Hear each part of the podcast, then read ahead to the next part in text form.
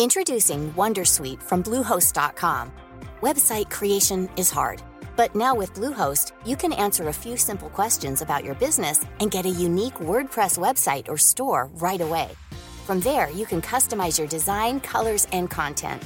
And Bluehost automatically helps you get found in search engines like Google and Bing. From step-by-step guidance to suggested plugins, Bluehost makes WordPress wonderful for everyone. Go to bluehost.com/wondersuite.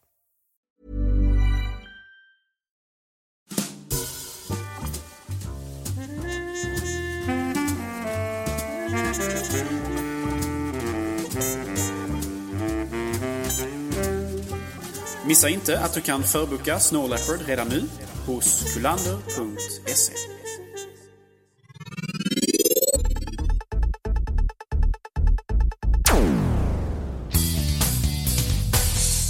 Hej och hjärtligt välkomna till Macradion nummer 41. Det är riktigt hett ute, men det kan man knappast säga om veckans nyheter. Men vi har i alla fall fått in en veckans Microsoft, lite om Pirate Bay och så en kontrovers om Macbook Pro, den datorn som jag utnämnt till världens bästa dator någonsin. Gabriel, vad sägs om att börja med våra kära Microsoft? Varför inte Peter? Ehm, så här nu i veckan så damp det ner lite intressanta videofilmer från allas vår vän i Redmond. Ehm, Microsoft ska promota Internet Explorer 8. Uh, och man gör detta då på, ja, på, på ett sätt som kanske är lite sådär uh, stundtals osmakligt. Uh, och fick ju... Jag tycker det är mer lite studentikost kanske. Jo, precis. Absolut. men det är, inte, det, är inte, det, är liksom, det är inte speciellt seriöst gjort.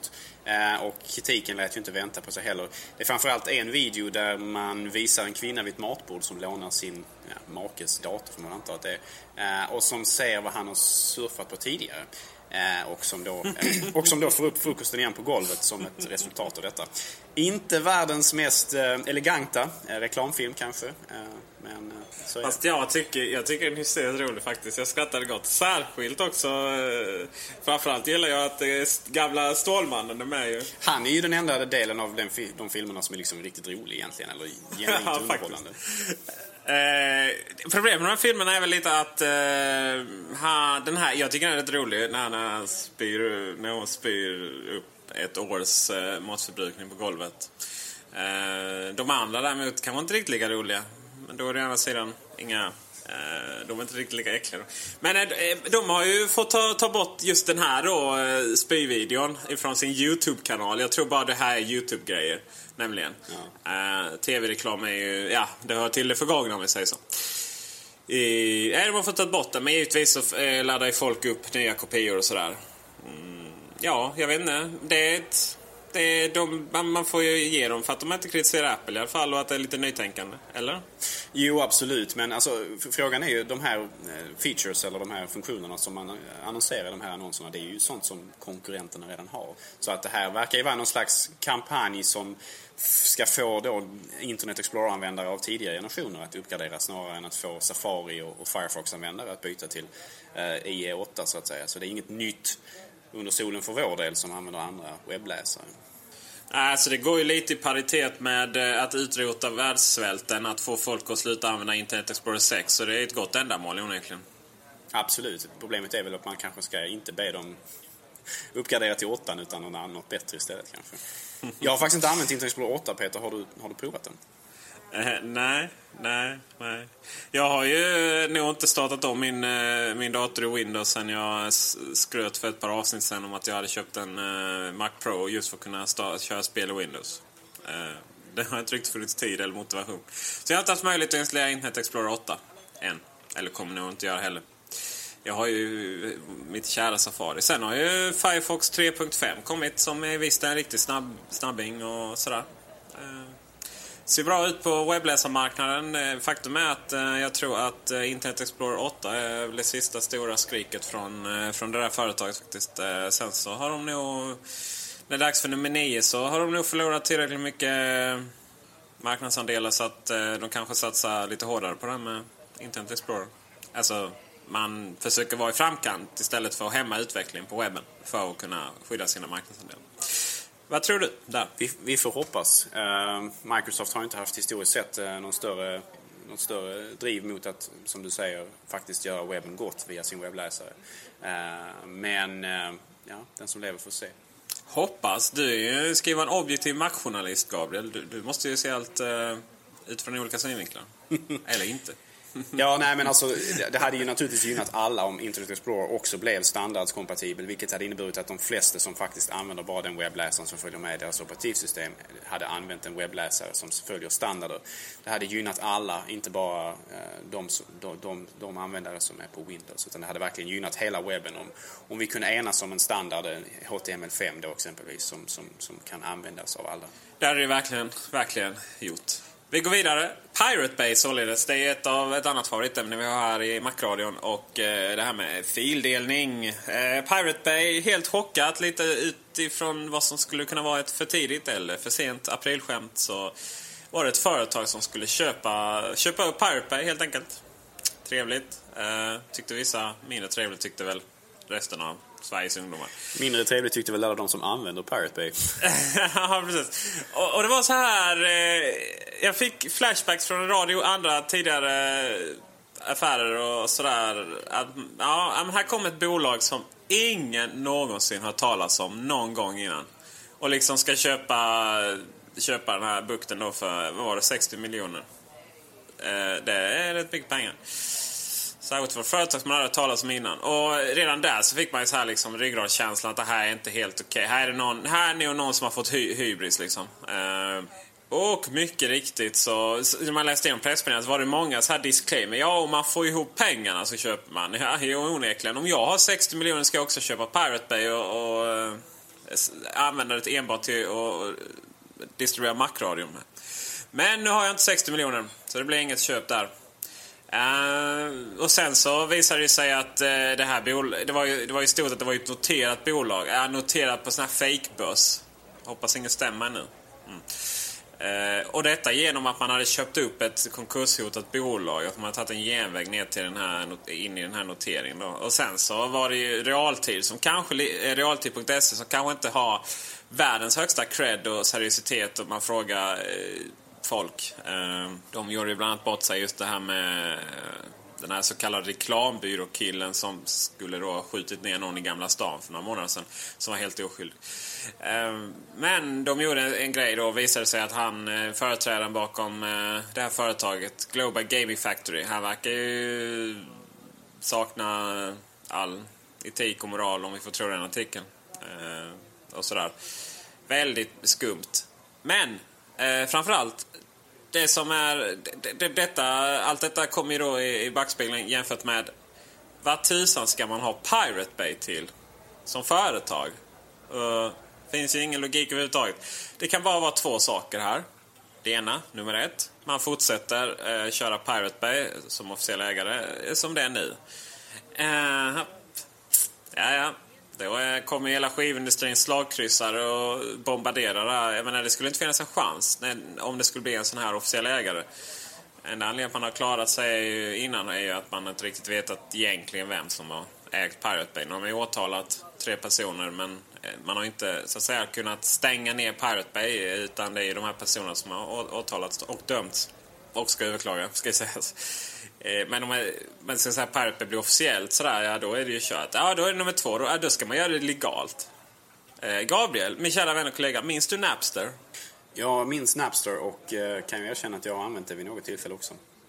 Ja, eh, och eh, alltså innan det blir lagligt då? Är det det du säger Gabriel? eh, inga kommentarer. Inga kommentarer. Napster var ju någonting som, eller lagligt, var ju inte helt klart vad, huruvida det var olagligt eller inte. Men Napster var ju alltså känd som, som den första där man kunde dela mp3 mellan sig. Det var alltså starten på all fildelning.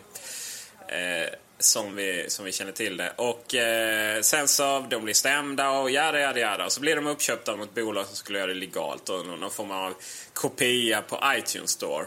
Eh, ja, gick bra eller inte? Nej, gick inte alls kan jag säga. Jag tror det till och med finns kvar. Jag vet inte den som äger den nu. Men ja, det blir lagligt och det var ingen som brydde sig och så vidare. Eh, och det är precis det som kommer hända med Pirate Bay. Och någonstans så, ja. Kanske har Pirate Bay spelat ut sin roll. Så att det spelar kanske ingen roll egentligen. Jag vet inte, vad känner du? Jag känner ju också att den är på väg att sjunka till irrelevans nu på något sätt. Eh, det är egentligen inte mycket mer att säga. Eh, syftet med det här har ju från början varit att folk ska kunna dela fritt. Och frågan är ju hur det kan fortsätta ha den funktionen med den här nya affärsmodellen som de då snickrar på. De har inte egentligen sagt hur allting ska fungera men eh, man har ju onekligen lovat guld och gröna skogar här. Musikbolagen ska tjäna på det, de som, de som delar ut filer ska tjäna på det. Alla ska tjäna på det. Vem, vem, vem är det som betalar? Någon måste ju betala här då så att säga. Han måste vara en sedelpress i källaren kanske? Men kanske det ja. Alltså, jag, som jag har förstått det så ska de användare som har filer delade, alltså de på något sätt hyr ut hårddiskutrymme som de då ska få betalt för att de laddar upp till andra användare eller någonting i den stilen. Ja, jo så är det ju. Men det där... Ja, det finns inte tillräckligt mycket pengar Eh, i detta. Det kan ju till och med femåringar räkna ut. Eh, och, och ens om det hade funnits, om det hade funnits det så... Vi, vi pratade med Peter Alvarsson eh, förra avsnittet ju. Eh, och han pratade om eh, problemen med att, att licensiera filmer från filmbolagen. Hur tusan ska man kunna licensiera allt innehåll på Pirate Bay? Om det är så svårt för Peter som är så fokuserad på filmer och, vet ha kontakt på filmbolag och så vidare att göra det. Jag menar, det är, det är ju det är inte realistiskt för fem öre. Det är det dummaste jag någonsin har hört. Och alltså, för hela grejen med Pirate Bay, hela grejen när man pratar om det, är att det, ska, det är viktigt då för grundarna att det här blir som vanligt. Eh, men för att kunna bli som vanligt och lagligt, då måste man licensiera ut varenda liten skitgrej som finns. Varenda privata bilder som finns. Det finns ju miljoner eller tusentals på Pirate Bay. Det finns eh, verk som inte någon människa har en aning om var de kommer ifrån. Det är, det är helt omöjligt. Det ska bli spännande, kan jag säga. Men vi vet nog eh, utgången av det hela, är jag rädd. Ja, jo. Men det, som vitt jag har förstått nu här så är det ju väldigt många arga användare som känner sig svikna av eh, de här personerna som står bakom Pirate Bay också nu. Och det, det finns, jag läste någon kort intervju med, jag tror det var Peter Sunde, som sa att människor, eh, att han, han påpekade att människor var jätte, jättearga på honom och, och, hans kollegor så att säga för det de hade gjort. Och, ehm, att han, han kände, nästan, kände sig nästan hotad. Ehm, och det är ju inte, det är ju väldigt olyckligt naturligtvis. Ja, det är helt fakta. Ehm, Peter Sunde och gänget de har inga som helst skyldigheter mot norra egentligen. Det är också ganska... Varför de har stått upp för eh, fri, eh, fri eh, fildelning och, och informationsfrihet så betyder inte det att det ska vända om, om de inte... Alltså om de gör på det här sättet så betyder inte det liksom att... Varför de cementerar en åsikt så betyder inte det att de hela tiden, hela sitt liv måste eh, ta ansvar för det. Eh, jag menar, det de har byggt upp är jättebra och har betytt jättemycket men eh, de ska inte behöva ta skit för det när de inte fortsätter med det. Det är helt barockt tycker jag. Jag kan tänka mig att eh, musikbolagen och filmbolagen och så vidare är väldigt glada nu därför att eh, The Pirate Bay kommer mer eller mindre försvinna som vi, som vi känner till idag. Frågan är naturligtvis om de andra eh, sajterna som erbjuder torrent-nedladdningar kommer att eh, kunna ta upp och bära facklan vidare eller vad som kommer att ske nu med, eh, med fildelningen så att säga. Så är det givetvis. Eh, herregud, man gör ju... Det är ju inte så att folk kommer att sluta. Och, och jag menar tendensen har ju, har ju varit så länge. BitTorrent-tekniken har ju verkligen överlevt länge, länge, längre än någonting annat. För varje nytt eh, sak som eh, industrin försöker stämma skiten av. Eh, varje så representanter för olika tekniker. Napster började med, Kazaa kom. Direct Connect, vissa hubbar. Eh, då har det blivit mer och mer centraliserat. Och eh, det, menar, det finns jättemånga olika tekniker nu som centraliserar ännu mer, som gör det mer anonymt och så vidare. Vi ska väl inte gå in på dem vidare här, men så länge det finns personer som vill syssla med någonting och som inte, eh, som inte anser att det är illegalt. Eh, jag menar, visst staten stiftar lagar men man klarar inte upprätthålla dem heller. Då, då kommer, så länge det finns en efterfrågan så kommer det finnas eh, lösningar på det och det kommer alltid finnas en efterfrågan för att mina kära, kära lyssnare som är, eh, inte finner det här naturligt, för oss då som är lite yngre kanske, eh, vi eh, finner fildelning som det mest naturliga i världen. Eh, och det, det är ingenting man kan göra någonting åt, tyvärr. Macradion presenteras av kulander.se din personliga Mac-butik i Malmö och nu också Facebook. Äntligen fick vi reda på veckan att eh, Telia och 3 skulle eh, börja sälja iPhone den 31 juli. Telenor hade ju redan gått ut med datumet den 9 juli. Men eh, det är väl ganska uppenbart nu att det var bara ett stort jävla missförstånd. Samma som vi de flesta hade när eh, det visades en bild där det stod eh, juli 09. Men det var ju då året såklart. Eh, och sen så bekräftade då Telenor att eh, man eh, även de skulle släppa iPhone 3GS 31 juli. Gabriel Malmqvist, kommer du köa utanför någon butik nu? Ja, jag har förberett tältet här nu så att jag kan sitta en vecka i förväg och vänta på eh, releasen. Nej, det, det tror jag faktiskt inte. Jag hoppas att de finns i butiken eh, och att inte de tar slut. Det har väl varit lite problem nu tidigare och sådär med att eh, maskinerna inte räcker till alla och så vidare. Så vi får väl se. Men eh, ja, förhoppningsvis kommer jag väl slinka in där i slutet av juli, början på eh, augusti och eh, köpa på mig en maskin. Ja, det har ju varit så. De här fantastiska värdelösa analytikerna, de, nej det här kommer inte sälja så bra och det är ingen stor uppdatering och så vidare. De är ju ganska korkade på det sättet. Hade, hade Apple bara bytt design lite så hade de ju tyckt att ah, det här går jättebra. Nu var det en likadan telefon sådär. Eh, och då kommer det inte sälja så bra. Det blev ju en försäljningssuccé som inte duger, givetvis då. Man sålde ju lika många i ett fåtal länder som man gjorde under, över halva världen med iPhone 3G. Och det vållade ju vissa problem. Det vill säga att de tog slut lite överallt. Eller tog slut överallt.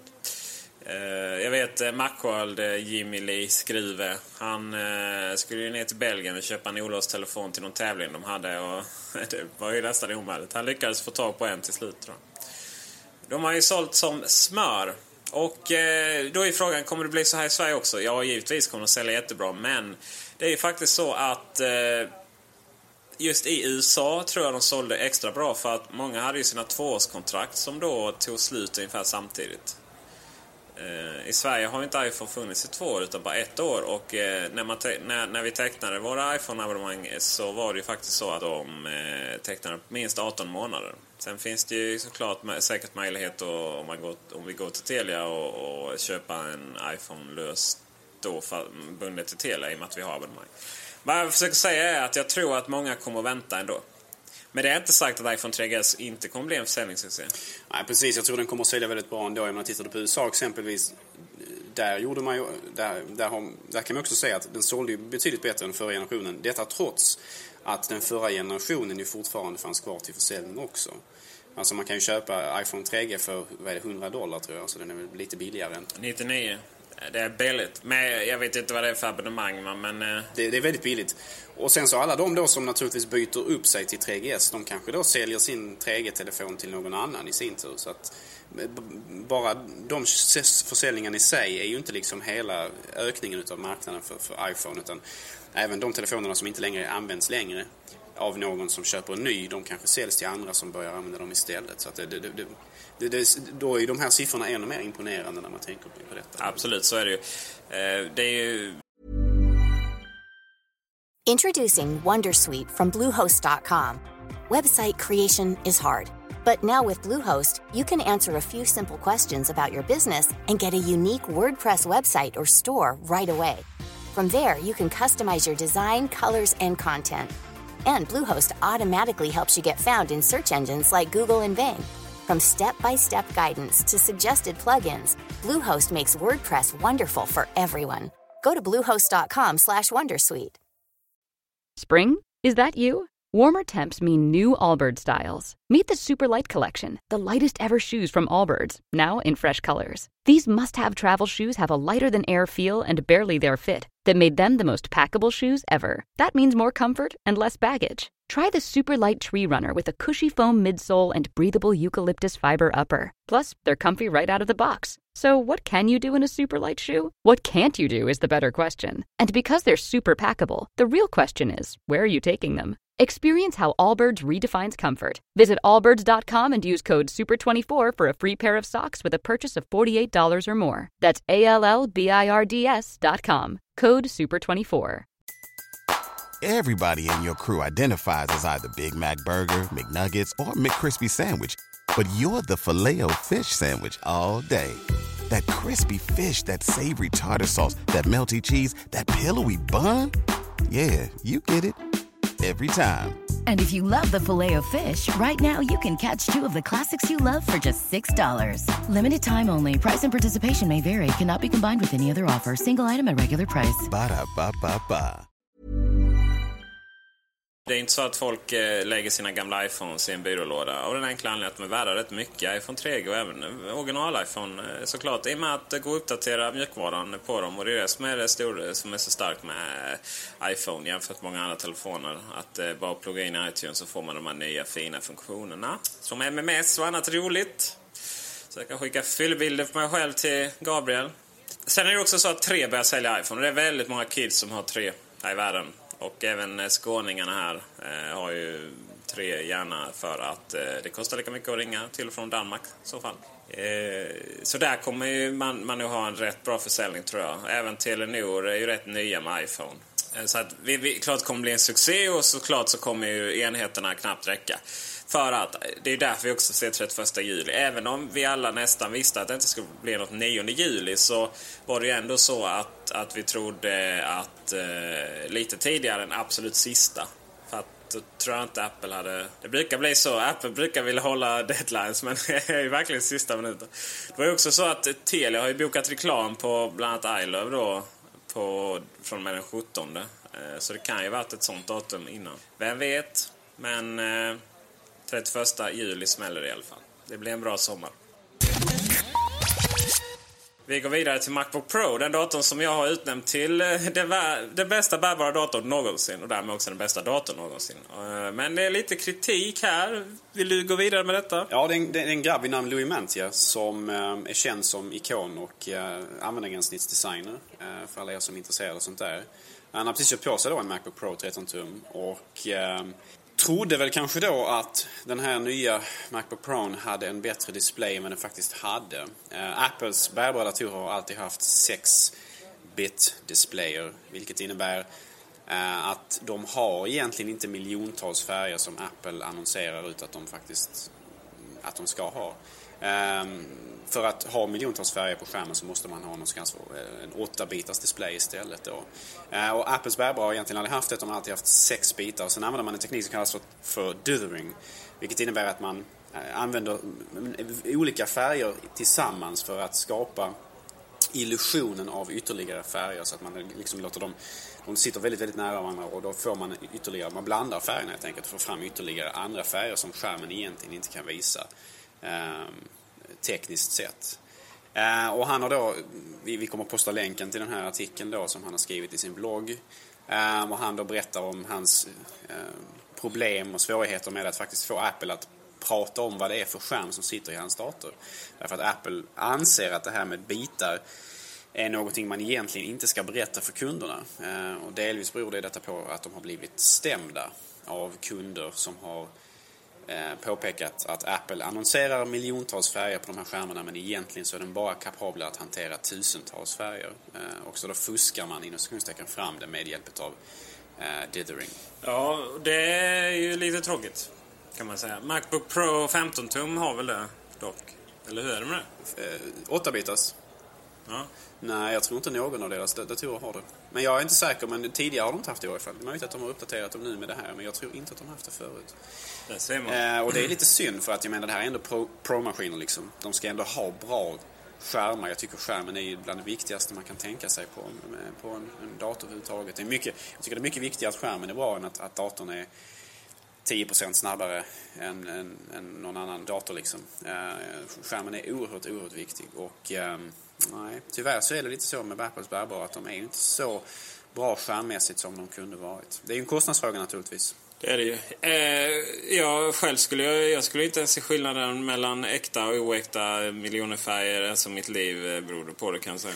Mer relevant för de som arbetar med mycket färger som exempelvis i tryck och webbdesign och så vidare. Men, eh, ja. Jo, så är det givetvis. Men ett, ja, 13 tums skärm liksom. Tryck. Uh, ja. Den här killen hade ju inte... Jag försvarar inte Apple på något sätt. Särskilt inte vilket sätt de uh, svarar honom och sådär. Uh, det är ett ganska hemligt företag. Vi postar givetvis länken så får du läsa hela storyn. Men man designar inte på 30 tums skärm. Och i just för fall så hade han 30-tummare som man kopplat till. Ja, jo precis. Det, det, det stämmer ju. Men, och, och, och, 30-tumsskärmen har ju naturligtvis 8-bitars display. Men visst, man, man kan inte designa på jättebra på en 13-tum. Men, men är det en Pro-maskin så ska man ba- banne mig kunna använda skärmen till design. Och då är faktiskt eh, 6-bitars display lite Alltså, för lite. jag, jag tror det... Alltså kan... Jag tror nog att många designer inte har problem med det, men eh, är man... Det beror på lite hur PT man är givetvis. eh, men jag försöker komma till att jag tror att eh, 99% av befolkningen inte skulle märka någon skillnad alls. Jag tror, jag tror nej, jag, kanske inte. Framförallt de skulle kanske inte störas av det och det, det skulle inte vara ett problem för dem. Jag, jag tror nog att fler än 1% skulle märka skillnad om du sätter dem bredvid varandra. Eh, men i- icke desto mindre, vi betalar rätt så mycket för våra bärbara Mac Pro-maskiner. Jag tycker nog att vi ska ha bättre skärmar i dem än som sitter. Det gör vi absolut. Däremot det här med att man liksom fejkar olika saker, det tycker jag är lite tråkigt. Vad kallas det? Di- Dithering eller vad? Det Dithering. Ja, alltså fejka och fejka, det är ju ett sätt att få fram de här färgerna som den egentligen inte kan visa genom att man så att säga fuskar fram dem, vad man nu ska säga. Så du får ju fram fär- färgerna för våra ögon, så att säga. Mm, precis. Fusk och fejk får väl vara samma sak. Ja, men, det är likadant med min, med min plasma-TV. Den har en upplösning på 1024 x 1024 vilket ju är helt... Ja, det är inte omöjligt för att plasmapixlar är ju liksom inte fyrkantiga pixlar på det sättet. Men, men det är inte 1024 x 1024 utan det är 1024 x 500 någonting. Och sen så är de linjedubblerade då. Och det är ju inte äkta. Och det är likadant alla TV har ju massa olika saker som den, den och de kallar det massa konstiga saker. Men allting är ju bara mjukvara som simulerar vad den egentligen borde kunna. Och det är, jag tycker det är riktigt svårt att, att eh, visst, jag har inga problem att, herregud jag säljer Mac, jag har absolut inga problem att, att förklara skillnaden och så vidare. Men, men eh, i olika saker och, och vad det betyder. Men, men ska jag själv köpa en TV eller ska jag köpa en stereo? Jag är helt, jag är helt lost i djungeln. Och jag, vilket är ironiskt när jag själv är säljare, men jag skulle inte lita fem sekunder på en annan säljare. Särskilt inte om jag ska handla på Mediamarkt eller Onoff eller någonting. Eh, Någonstans vore det trevligt om specifikationerna faktiskt visades rent generellt genom all teknik. Faktiskt visades vad den klarar av i verkligheten, inte vad den klarar av att simulera i olika egenskaper och sådär. Väldigt, eh, väldigt eh, förvirrande. Och, och eh, är med tanke på att diskussionen handlar om Macbook Pro så är det ju lite roligt att säga att fler borde vara som Apple. Men, men någonstans är det så. Det är ungefär som skärmar igen då. Eh, Apple ville ju inte, eller de vägrade ju visa hur många vad uppdateringsfrekvensen var på sina Apple Cinema Display. Jag vet inte om de gör det nu, det gör de kanske. Men det var ju för att alla tillverkare visade ju, sina, eh, visade ju de här uppdateringsfrekvenserna i millisekunder helt olika. Vissa då mellan den, eh, vissa färger, vissa mellan liknande färger och ja, alltså det är ju väldigt få, svårt att få en standard på olika saker verkar det som. Och, och när en har börjat överdriva och, och liksom simulera verkligheten då, då måste de andra ta, vid, ta efter för annars verkar ju deras grejer sämre ju. Och det är likadant med batteritid, hur man mäter det. Det är ju också en djungel av, jag vet inte vad, tjockast av dem alla. Eh, vissa mäter med, eh, med allting på, vissa utanpå. Vissa, jag vet att Apple mäter med, eh, med wi, wifi på, det tror jag inte någon annan gör. Eh, och så vidare och så vidare.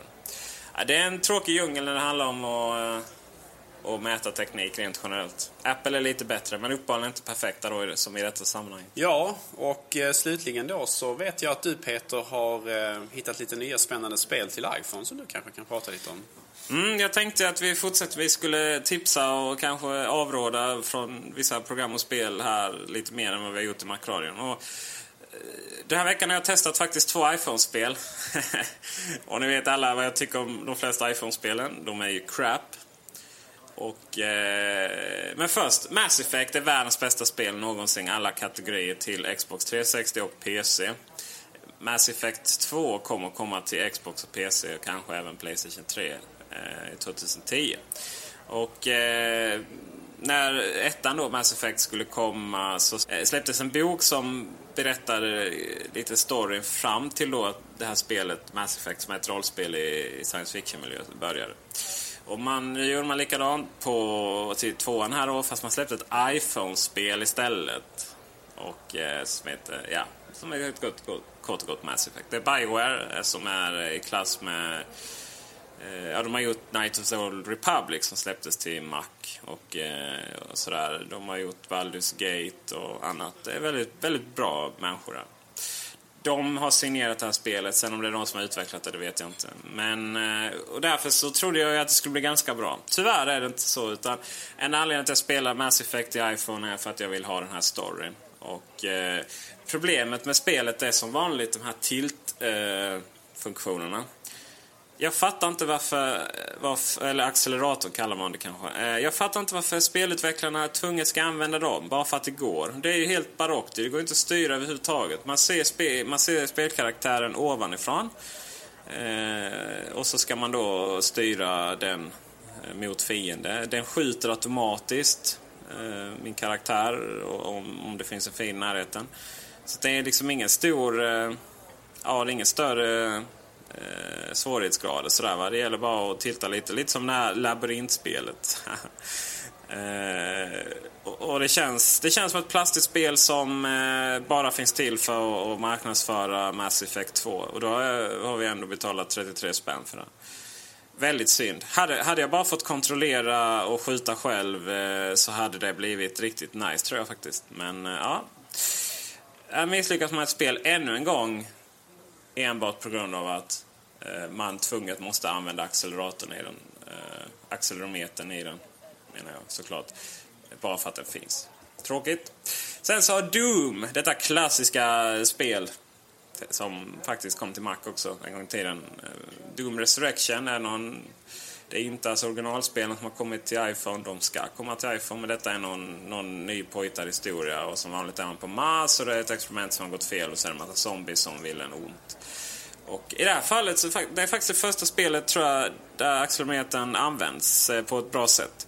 Eh, det är en så kallad rail shooter som, eh, det vill säga, jag styr inte själv karaktären utan den går så som spelet vill. Och sen så styr jag siktet genom att, att röra på iPhonen. Och för en gångs skull så funkar det bra. Riktigt bra faktiskt. Eh, den är rapp och den, det går att styra precis så som, som jag vill ha det och, och sådär. Och, och, handlingen verkar inte vara allt för kass. Så att... Eh... Kul att du sa att du tyckte att du tyckte att Doom Resurrections handling verkar, verkar bra. Om det är någonting som folk kritiserar Doom-spelen för från, från, från början till slut är ju att de saknar i princip all form av handling och storyline överhuvudtaget. Jo, jo, men jämfört med resten av iPhone-spelen så... Jo, precis. Det handlar ju bara om att, att det, är, det är så jäkla låg, låg standard på det mesta där. Så att, eh, allt som har någon sorts handling är ju bra.